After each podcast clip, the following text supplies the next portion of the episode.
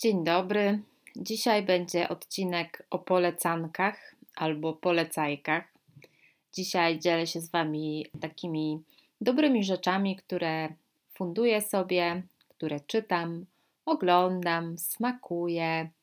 Także polecanki będą kulturalne, kulinarne i rozrywkowe, i są to polecanki całkowicie niezależne moje. Robię to dla siebie i dla Was może niektóre umilą Wam ten zimowy, pandemiczny czas. Na początek chciałam polecić jedną książkę i dwa seriale, z których jeden nakręcono na podstawie tej książki. I to jest powieść Małe Ogniska amerykańskiej autorki Celeste Ng. Historia dzieje się w latach 90. w Ohio i to jest już pierwszy powód, dla którego ta książka tak mi się podobała, te lata 90., ale o tym za chwilę. Książka opowiada o losach dwóch kobiet, których życia nagle się zazębiają, przecinają. Jedną z tych kobiet jest Mia, artystka, wolna dusza, która razem z nastoletnią córką Pearl podróżuje jak nomadka od stanu do stanu, za cały dobytek mając to, co spakuje do wiekowego już samochodu. A drugą Elena, lokalna perfect housewife, chociaż właściwie Elena jest pracującą housewife, matka trójki idealnych dzieci i jednego nieidealnego. Elena jest z gatunku tych kobiet, które nawet wino odmierzają sobie co do mililitra i codziennie pieką swoim dzieciom cytrynowe mafinki na śniadanie. I kiedy Mia wraz z Pearl przyjeżdża do miasteczka Shaker Heights w Ohio, Elena wynajmuje jej mieszkanie. I tu już robi się ciekawie, bo mamy konflikt zbudowany na totalnym przeciwieństwie tych kobiet totalne zderzenie wartości, stylu życia, wyglądu, sposobu wychowywania dzieci. I na ten konflikt między Miją a Eleną nałożona zostaje jeszcze jedna historia młodej chińskiej matki, która z powodu braku jakichkolwiek środków do życia porzuciła swoją kilkumiesięczną córeczkę pod strażacką remizą, a teraz postanawia dziecko odszukać, w czym pomaga jej Mija.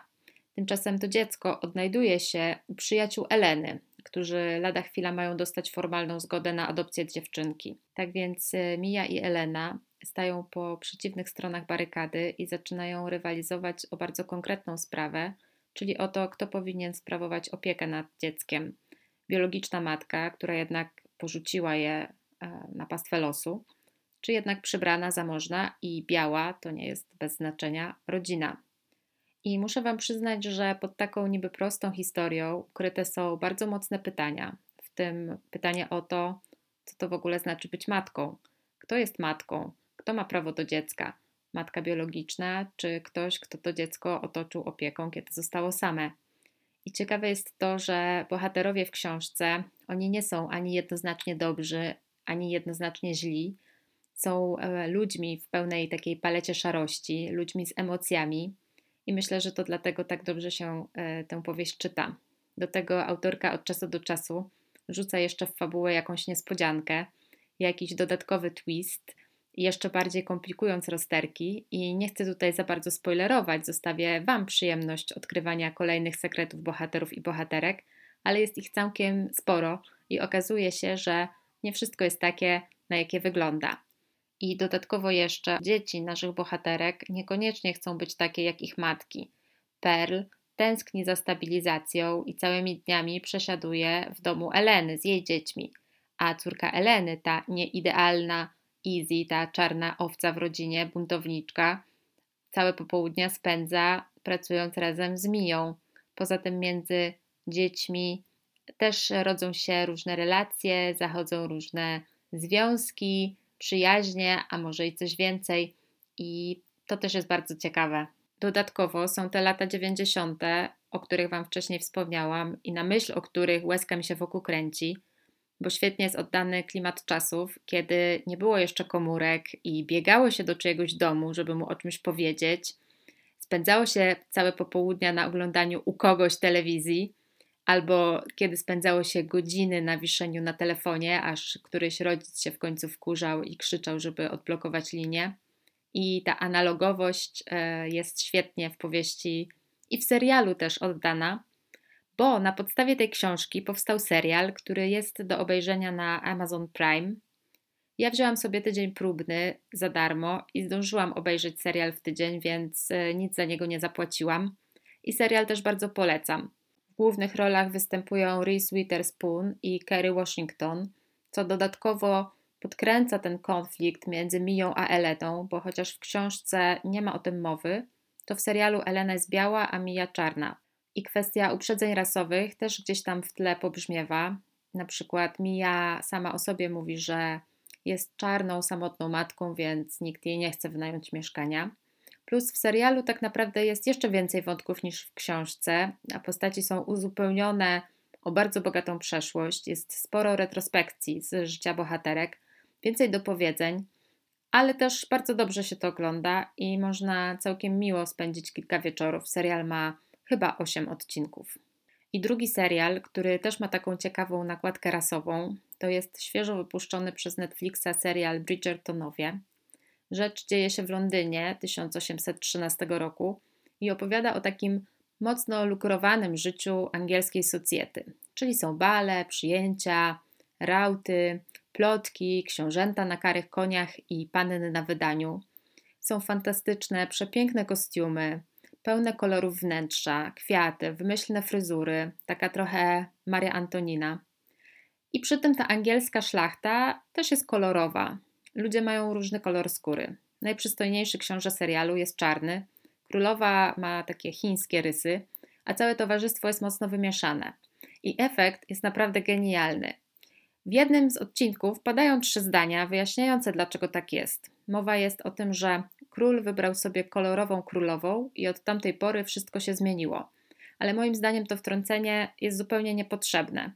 I piękna wydaje mi się idea zaangażowania do ról aktorów o różnym pochodzeniu, różnym kolorze skóry, różnej karnacji, ponieważ historia jest fikcyjna i nie odtwarzamy tu jakichś postaci historycznych.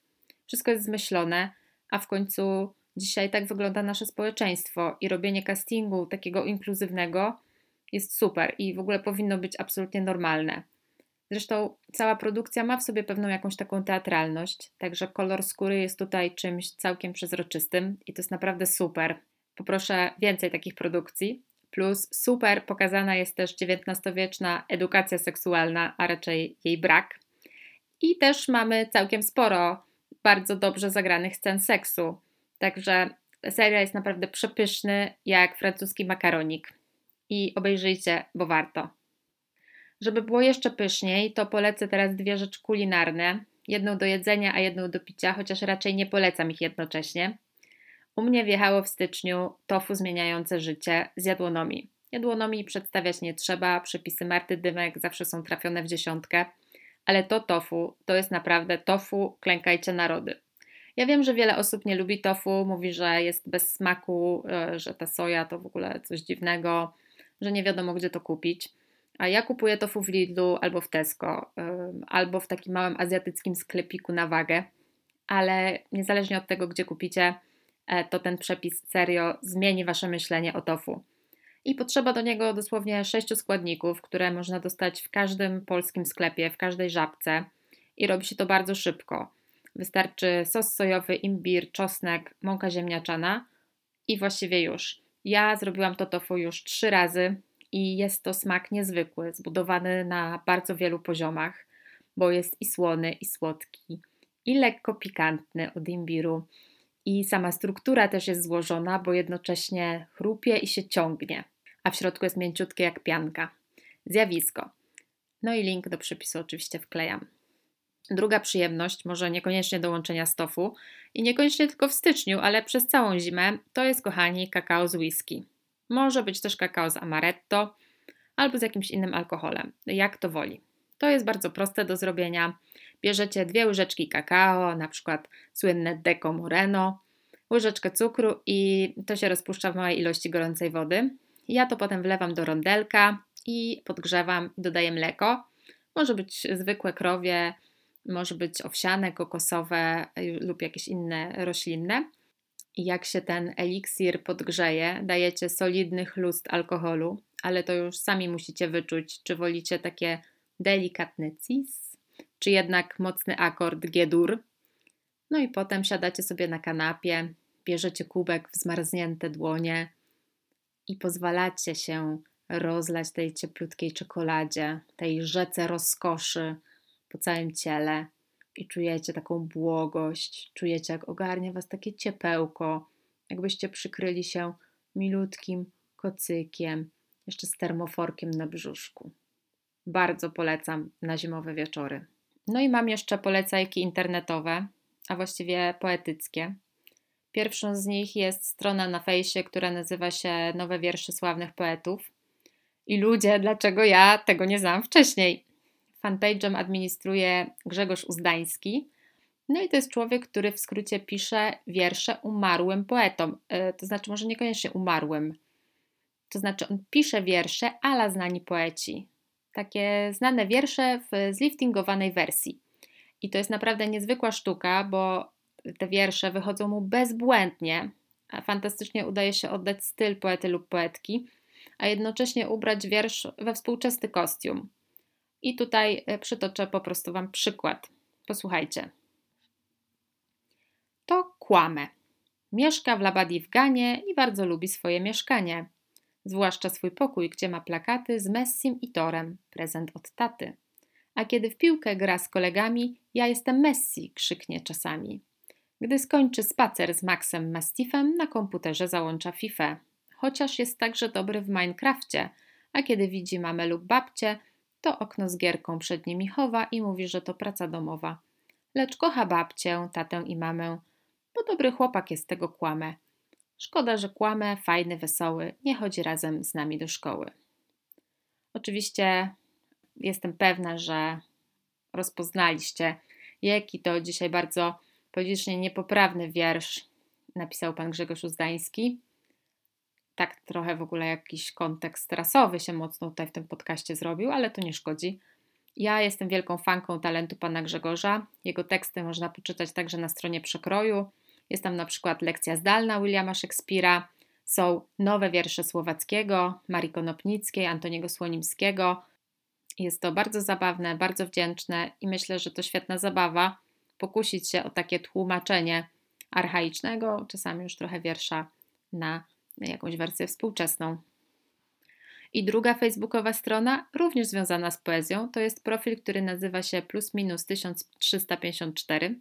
I tam znajdziecie z kolei wiersze, cytaty i fragmenty różnych utworów literackich, dopasowane do bieżącego dnia, sytuacji politycznej albo nawet pogody. Wybór jest naprawdę doskonały, ale jeden bardzo krótki wiersz zachwycił mnie szczególnie i Wam zarecytuję, bo uważam, że w naszym życiu jest za mało poezji trzeba poetów promować i poetki też, a mówi Wam to dyplomowana poetka, jakby nie było. I to jest e, naprawdę króciutki wiersz Marcina Świetlickiego, który opublikowany został 6 stycznia. Po nocy. Tej nocy niebo miało się rozświetlić resztką ogona umarłej komety. Ale była mgła, nic nie było widać. Noc rozświetlały mdłe supermarketu światła. I tyle. Coś wszystko ostatnio tak się rozmywa. Koniec świata przyjdzie, westchnie i wyjdzie. No i zrobiło się tak refleksyjnie, ale dobrze, bo ostatnia polecajka też będzie refleksyjna. Obejrzałam dzisiaj, a właściwie mm, lepsze byłoby stwierdzenie wysłuchałam, rozmowę Marka Sekielskiego z Małgorzatą Serafin. Gosię, bo tak będę o niej mówić, znałam głównie z opowieści naszych wspólnych znajomych, ale wydaje mi się, jakbym znała ją całkiem dobrze, bo obie pracowałyśmy w podobnym czasie w TVP Info. Obie rzuciłyśmy tę pracę, by robić coś całkiem innego i rzuciłyśmy ją z podobnych powodów, to znaczy niezgody na to, co się działo w TVP. I jak się właśnie dowiedziałam, obie też chorowałyśmy na depresję. Pamiętam, to był 2016 rok, świeżo po dobrej zmianie w mediach, po słynnej ustawie o mediach narodowych, kiedy dosłownie z dnia na dzień w TVP wymieniono większość szefów redakcji i przestawiono mocno wajchę w prawą stronę. I któregoś dnia trzy wydawczynie TVP Info, Magda Siemiątkowska, Małgorzata Serafin i Iza Leśkiewicz, odmówiły pokazywania na antenie konferencji Episkopatu Polski zamiast relacji na żywo z Marszu Kot. No i za długo już nie popracowały, bo kilka dni później zostały zwolnione.